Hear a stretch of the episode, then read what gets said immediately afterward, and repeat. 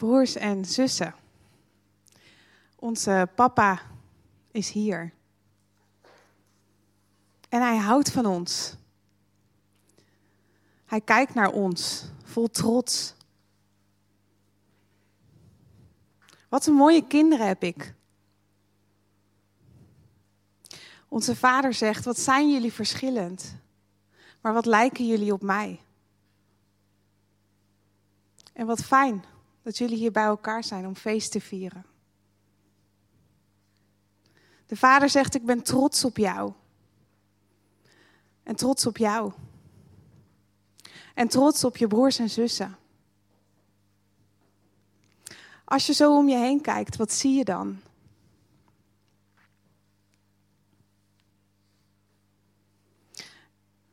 Ieder groot en klein, hoewel de meeste kleine nu weg zijn, horen bij mijn familie, zegt de vader.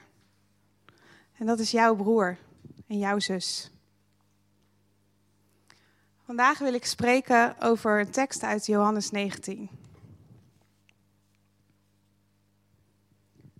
De moeder van Jezus en haar zus Maria, de vrouw van Klopas, en Maria Magdalena stonden bij het kruis. En Jezus zag zijn moeder staan. En zijn beste vriend stond naast haar. En toen zei hij tegen zijn moeder: Kijk, hij is voortaan jouw zoon. En tegen de leerling zei hij: Kijk, zij is voortaan jouw moeder. En vanaf dat moment nam die leerling haar bij zich in huis. Het zijn de woorden van Jezus toen hij aan het kruis hing. En die woorden echoen door. Na het kruis, dwars door de dood, door zijn opstanding. En die woorden scheppen een nieuwe werkelijkheid na de opstanding. In het leven van Johannes en Maria en in ons leven. In één minuut spreekt Jezus deze woorden. En die veranderen het leven van deze twee mensen voor goed. Ik vind het nogal wat. Iemand in je huis nemen. En misschien op zo'n heftig en verdrietig moment, wanneer jouw geliefde stervende is, ben je misschien wel bereid om alles voor diegene te doen. Maar toch, ik weet niet of er mensen zijn die wel eens langere tijd iemand in huis hebben genomen. Een paar jaar geleden had mijn zusje vluchteling in huis. En wij zouden ook toevallig rond die tijd een paar weken in haar huis zijn, omdat ons huis werd verbouwd. Maar dan had je het over anderhalve week, twee weken met iemand in huis die je helemaal niet kent. Vonden wij al intensief, terwijl dat hartstikke overzichtelijk is. Mensen in je leven die je niet kent, met andere gewoonten, die jou van heel dichtbij zien, iedere dag, elk moment van die dag. Dat je misschien op je PlayStation wil en net iemand anders erop zit. Of dat je zin had in het avondeten en toen was het koelkast leeg toen je uit je werk kwam. En ik weet dat sommigen van jullie pleegkinderen hebben in huis gehad of vluchtelingen in huis genomen. En ik denk, wat ik daarvan gehoord heb, is het zowel een geweldig plan als ook een uitdaging in de praktijk. En Jezus geeft zijn moeder aan zijn leerling en andersom. En Maria en Johannes volgen zijn woorden. Maria gaat bij Johannes wonen. En weet je wat ik opvallend daaraan vind? Dat Jezus Johannes uitkiest. Want Jezus had ook gewoon broers. Waar zijn die broers eigenlijk? Die kunnen toch ook wel voor hun moeder zorgen? Maar Jezus kiest Johannes uit. En dat doet mij aan verschillende dingen denken. Bijvoorbeeld aan die keer dat Jezus laat zien wie hij als zijn familie is, ziet. In Lucas 8 kun je daarover lezen.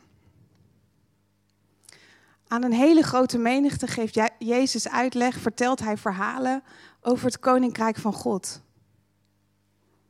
En er zijn heel veel mensen die naar hem luisteren.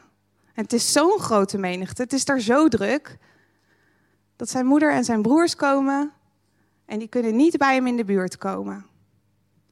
Dus iemand komt vertellen, Jezus, Jezus, je moeder en je broer staan buiten.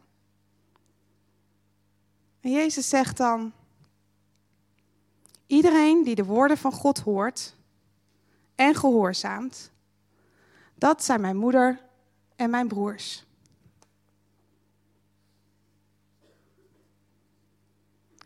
Jezus praat in zijn leven veel over Gods familie. De familie waar hij bij hoort. En die familie is hartstikke groot. Want iedereen die Gods woorden hoort en gehoorzaamt, is ook deel van die familie. In zijn, in zijn leven spreekt Jezus eigenlijk over een realiteit. Misschien wel een andere realiteit dan de onze. Ook voor wat betreft het onderwerp familie. Aan het kruis spreekt Jezus over zijn familie. En ook na zijn opstanding spreekt Jezus over zijn en over onze familie. Want dat lees je in Johannes 20.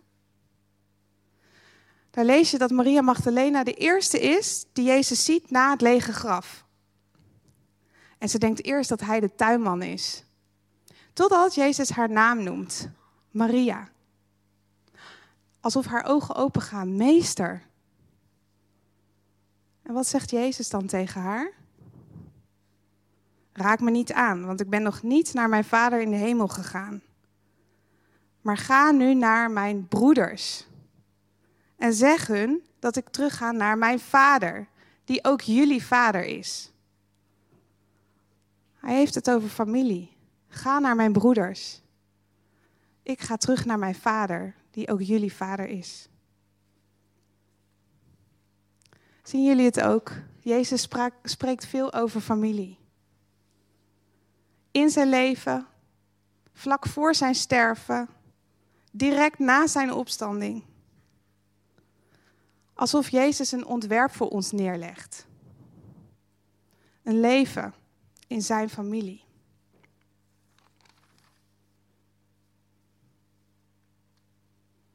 Gods ontwerp. Dan moet het toch wel goed zijn? Community is zijn bedoeling. Maar hoe kom je dan in die familie? En wat is de relatie met Pasen? Want dat vieren we toch vandaag. Ik dacht dat je daarover zou spreken. Kort uitstapje. Om te kijken naar wat Pasen en die geboorte in die familie met elkaar te maken hebben. Goede Vrijdag en Pasen gaan over het sterven en het opstaan van Jezus. En Jezus heeft daarmee eigenlijk twee grote problemen voor ons opgelost. Probleem van onze identiteit, wie ben ik? En het probleem van de verstoorde relatie, het afgesneden zijn van God. Jezus herstelt onze identiteit en hij herstelt de relatie. In dit plaatje kan je het denk ik goed zien. Als wij gedoopt worden, worden we opnieuw geboren. We worden één met Jezus. We zijn gestorven met Jezus en ook weer opgestaan met Hem. We hebben een nieuw leven gekregen. Jezus is doodgegaan als ons, met al onze zonde, ziekte en vloek, zodat wij kunnen leven als Jezus. Geboren worden in een nieuwe familie. Je oude leven achter je laten, sterven en een nieuw leven ontvangen. En hij legt het ook uit aan Nicodemus. Dat je opnieuw geboren moet worden uit water en uit, uit geest. En ook Paulus beschrijft dit in de Romeinenbrief. Hij zegt, want toen we in Jezus Christus werden gedoopt, werden we allemaal in zijn dood ondergedompeld.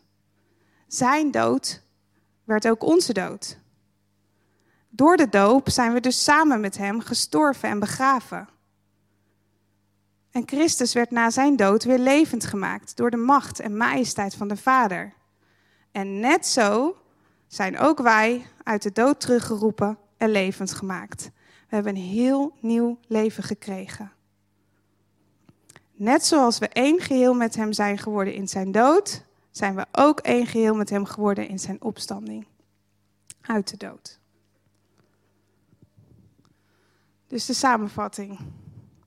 Pasen gaat over Jezus, die is gestorven en opgestaan voor ons. En daarmee gaat het ook over ons. Wij kunnen ook sterven en opnieuw opstaan, dankzij Jezus. En dat gebeurt bij je doop. Dus op het moment van je doop ben je weer rechtgezet voor God. Je identiteit is hersteld. En je bent deel van een nieuwe familie. De relatie met de vader is hersteld. En je hebt broers en zussen gekregen.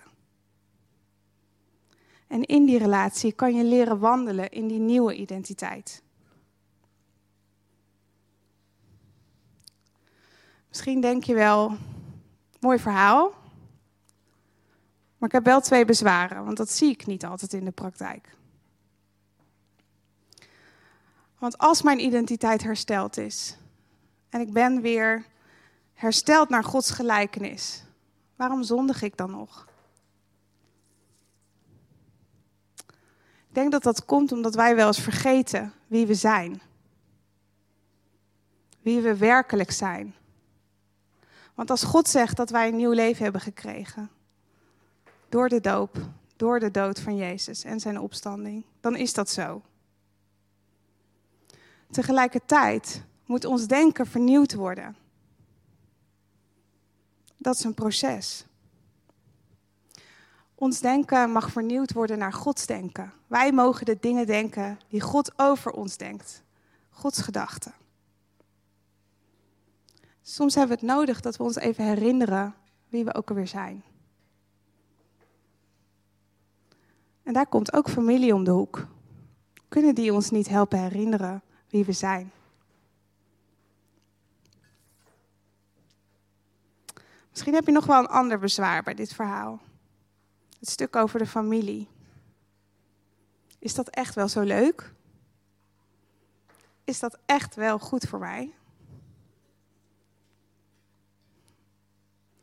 Misschien willen jullie net als ik geloven in Gods goedheid. Dat staat voorop. Dat is non-negotiable.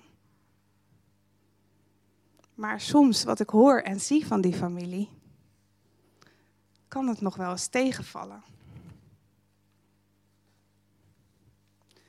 Ik wil jullie vragen om even mee te kijken naar dit plaatje. Volgende, sorry. Wat zien jullie hier? Zei je? Tragedie, ja. Een bruid. Maar het is wel een vieze bruid. En ze is een schoen kwijt. En ze kijkt ook een beetje verdwaasd. Vinden jullie niet? Ja. De kerk, de familie van Jezus, wij dus, worden ook wel vergeleken met die bruid. De bruid van Jezus. En weet je, ik denk dat we er een beetje zo bij lopen zoals deze bruid. Maar weet je wat Jezus zegt als hij naar zijn bruid kijkt?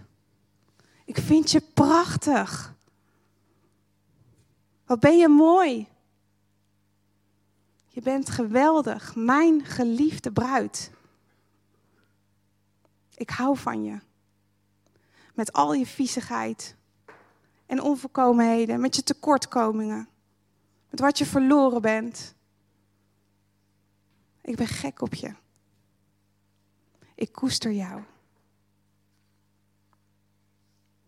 De familie van Jezus is niet perfect. Wij schieten tekort. In de eerste plaats naar Jezus schieten wij tekort. Maar ook naar elkaar. En toch, toch heeft Jezus ons zo lief. En hij zegt, mijn kracht wordt zichtbaar in zwakheid. En toch vraagt Jezus ons om onze broers en zussen lief te hebben. Om ze te herinneren aan wie ze zijn.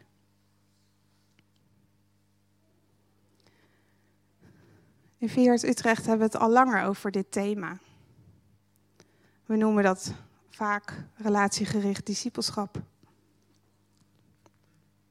We leren om samen op te trekken als familie van één vader.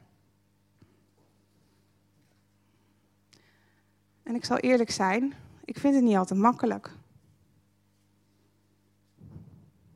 Ik ontloop het soms ook liever. Ik vind het soms moeilijk om mijn hart te laten zien. Ben ik bang wat anderen daarvan vinden?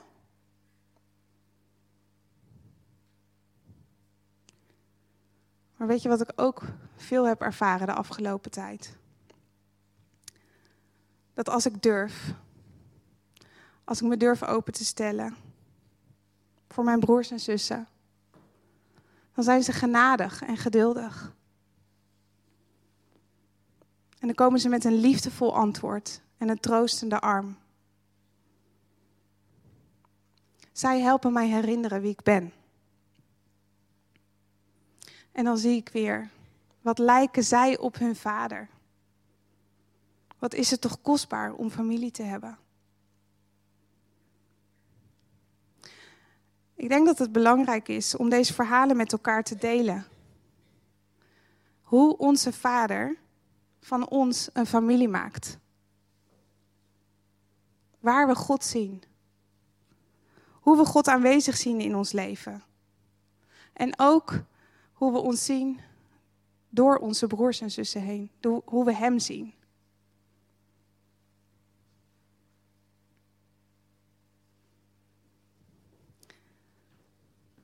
En Wouter en Deborah zullen ook iets delen uit hun uh, leven hierover. Ja, dat klopt. Um, spannend om dat te doen. Ik presenteer graag de zelfverzekerde, succesvolle kant van mezelf. Maar daar zit uh, veel meer onder. En uh, als we familie van elkaar zijn, is het soms ook goed om juist die kwetsbaarheid te laten zien. En had gevraagd of ik iets wilde delen. Even de context van waar ik vandaan kom. Jullie kennen vast dat liedje wel van Herman Boon. Uh, je mag er zijn, wie ik, ja jij, je hoort er helemaal bij.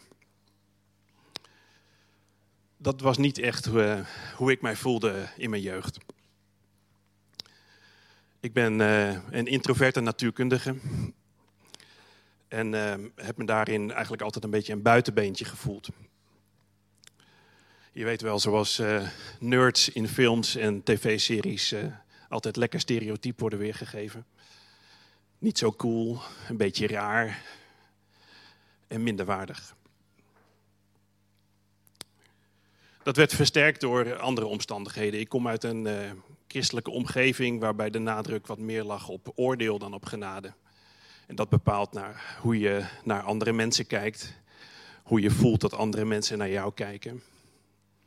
En ook hoe het soms voelt dat, dat God naar je kijkt met een kritische blik. En niet, niet een bewogen, ik hou van jouw blik, maar een kritische blik om te volgen of ik misschien nog iets verkeerd deed.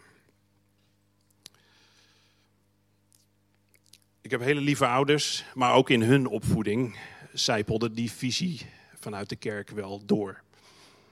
En daarnaast ehm, maakte mijn vader hele lange werkweken.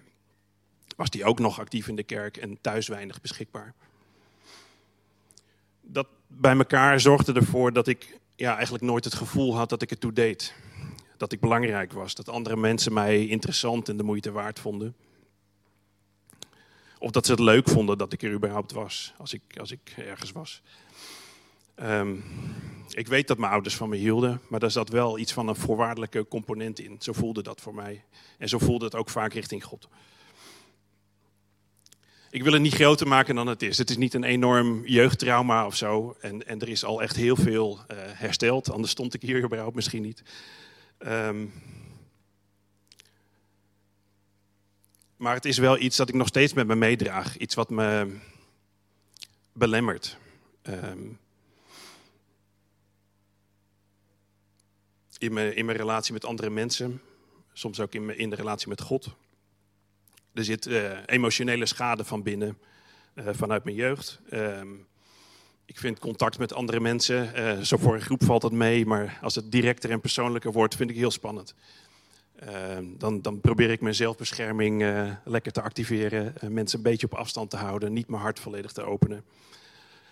Um, en dat beïnvloedt mij in, in mijn functioneren, in, in, het volledig vrij zijn, in mijn vaderschap, op mijn werk, ook in de kerk naar jullie toe, dat soort dingen. Het goede nieuws, uh, dat, probeer ik vooral te vertellen, dus tot zover de context. Het goede nieuws is dat, dat, uh, dat God werkt uh, aan herstel. Al twintig jaar, ruim twintig jaar. Ehm, er is heel veel gebeurd al. En ja, het is een beetje alsof hij mijn persoonlijke therapeut is, die daar stap voor stap in met me meegaat, dingen op me weg brengt. Um, en de laatste maanden merk ik dat hij nog weer een stap dichterbij komt. Dat we nog weer een laag dieper gaan in het herstel. Het herstel van mijn identiteit, precies waar, uh, waar Renske over sprak ook. En wat daarin heel erg helpt, is uh, um, de mensen met wie ik optrek de laatste maanden.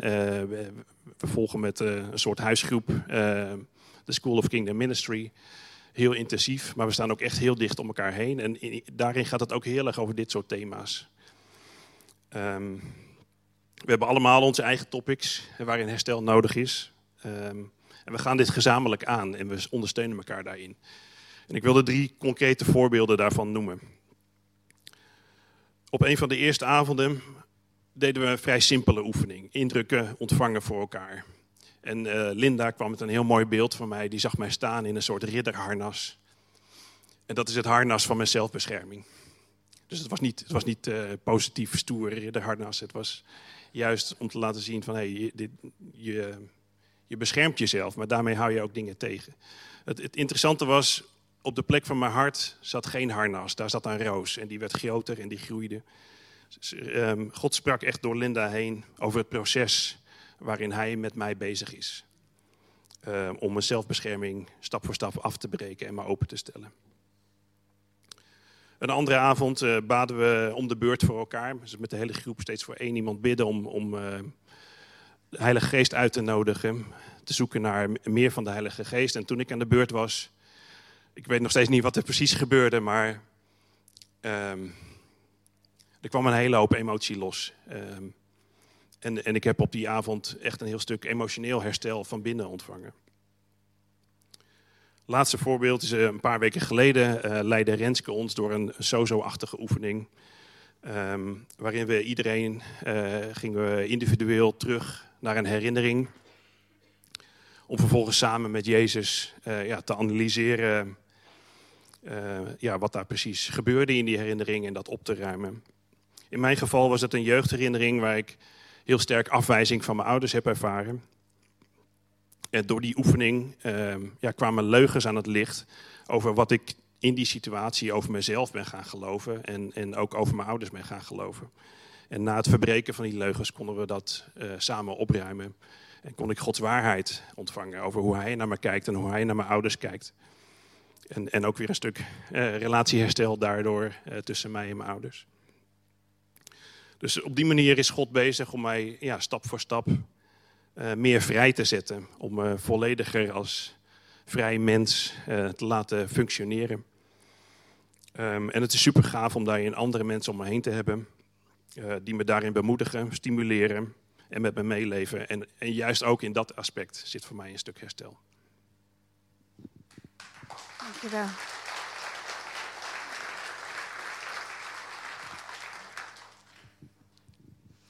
Toen ik 18 was, toen heb ik me laten dopen. En ik heb altijd zo vreselijk veel van Jezus gehouden. Ik vind hem zo fantastisch. En uh, ik voelde zo'n diepe liefde voor hem. Maar op de een of andere manier heb ik heel erg moeilijk gevonden om zijn liefde voor mij te ontvangen. En om te ontdekken wat nou eigenlijk wat het nou betekent dat je een nieuwe leven aantrekt. Zoals uit het plaatje wat Renske liet zien, dat je met Jezus opstaat en dat je dan een nieuwe identiteit krijgt en dat je een nieuw leven mag ontvangen. En daar heb ik uh, jullie voor nodig gehad. En als ik dan nu om me heen kijk, dan zie ik uh, mijn Vineyard-familie zitten. En dan zie ik zo overal mensen zitten die voor mij gebeden hebben in de tijd van bediening. En die me thuis uitgenodigd hebben om uh, voor mij te bidden. Toen ik helemaal aan het begin stond. Toen ik heel depressief was en somber. En heel erg worstelen met mijn identiteit. En ik heb zoveel vrijheid ontvangen. Ik heb zo Jezus leren kennen. Als we net dat lied zongen van Zegenkroon, dan kan ik dat zo zingen vanuit dat ik het gewoon echt ervaren heb. Dat uh, bolwerken zijn afgebroken. Dat muren zijn neergehaald. Alle muren die ik om mijzelf heen had gebouwd als bescherming. En daar heb ik uh, ja, mensen voor nodig gehad die al wat verder waren. Die wisten hoe dat werkte. Die mij wezen op. Maar weet je, Deborah, als Jezus van jou houdt dan betekent dat zoveel. Dan mag je ook van jezelf houden, want jij bent zo bijzonder. En dat klinkt soms zo makkelijk, maar als je het gaat ontvangen, dan, dan, ja, dan is dat zo fantastisch. En um, nou, eigenlijk wil ik jullie daar gewoon mee bemoedigen. Dat we elkaar mogen opzoeken en uh, dat we ook uh, nou ja, zelf vrijheid mogen, mogen hebben om een ander te bemoedigen. Maar uh, triade of op de huisgroep of gewoon in de tijd van bediening. Het nieuwe leven is zo ontzettend fantastisch. En uh, als we dat filmpje zagen van dat God tegen ons zegt: Kerk, je bent mooi. Weet je, dan denk ik: Wauw, weet je dat. Ja, ik moest toen ook denken dat toen ik ging begrijpen dat God tegen mij zei: Weet je, Deborah, je bent mooi. Je hoeft niet zo te strukkelen. Je mag alles loslaten ja, dan uh, vind ik het mooi dat ik dat op Pasen mag zeggen hier. En uh, ik had zoveel struggles om hier te gaan staan. Gisteren ook weer thuis. Zo'n soort van stom gesprek. En dan denk ik, oh, ik heb ook nog zoveel vrijheid nodig. Dus ik ben zo blij dat ik ook uh, met een huisgroep een traject mag doen. Waarin ik ook elke keer weer merk, weet je, er is gewoon nog zoveel op te ruimen. En dat vind ik alleen maar fijn. Want elke keer ervaar ik vrijheid. En mag ik het koninkrijk groter gaan maken. In de gemeente, maar ook in de wereld. En dat merk ik ook, dat als God vrijheid gaat geven, ga je ook makkelijker praten over wat Hij gegeven heeft op je werk of in de straat. Dus dank jullie wel, familie.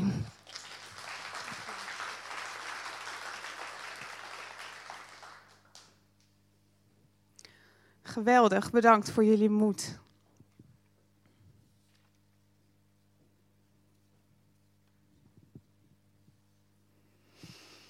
Jezus zegt tegen ieder van ons: Jij hoort bij mijn familie. Kom erbij. En verbind je aan mij en aan je broers en zussen. Ook al zijn ze niet perfect. Ook al schieten ze tekort. Ook al zijn ze anders dan jij. Ook al zien ze soms niet wat jij nodig hebt. En ja, ook jij schiet tekort. En ook jij doet je familieleden soms pijn. Door je afwezigheid of door je woorden. Maar je broers en zussen hebben je nodig.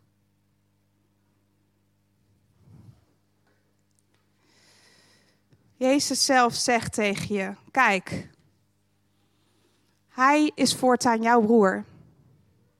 Zij is voortaan jouw zus. Kijk, dit is voortaan jouw moeder. Zie jouw zoon. Als Jezus um, zijn ontwerp neerlegt voor ons, dan is eigenlijk zijn vraag ook, en dan vraagt hij daar ergens ook om een antwoord. En um, als we het hebben over de kerk, dan hebben we het niet per se over Vineyard Utrecht alleen. Wij zijn een deel van Gods kerk. We zijn een deel van zijn lichaam. En ik zou, uh, ik zou jullie willen zegenen als uh, lichaam van Christus, als deel van het lichaam van Christus. En ik zou uh, de vraag bij jullie neer willen leggen. Wil je deel zijn van dat lichaam? Zullen we bidden?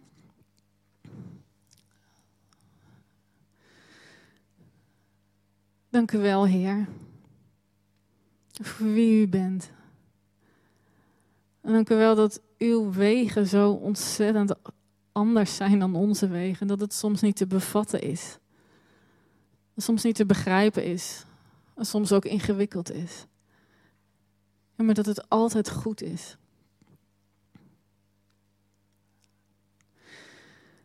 En ik zegen jullie. Als deel van het lichaam van Christus.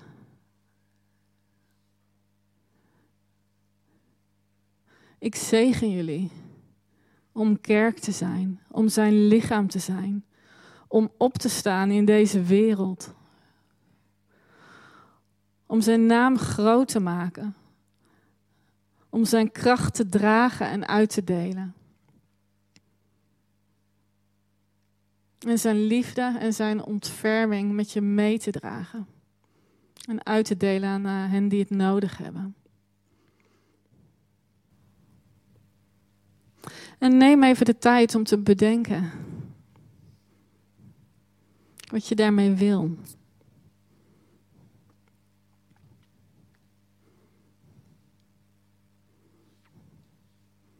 Wat dit ontwerp met je doet, wat het in je oproept, wat je ervan vindt. En of je je er uh, op een of andere manier aan toe wil wijden, voor het eerst of opnieuw. Met Jezus als het hoofd. Met Jezus als de bruidegom. De levende, opgestane Heer.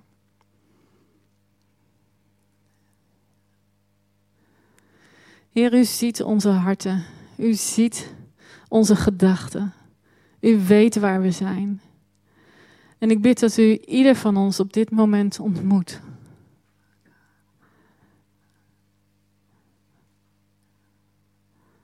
Dat u tot ons spreekt. Dat u ons vertelt wat u ziet als u naar ons kijkt. Naar ieder persoonlijk en naar ons als gemeente. Uw lichaam, deel van uw lichaam. Kom, Heer Jezus. Kom, Heilige Geest.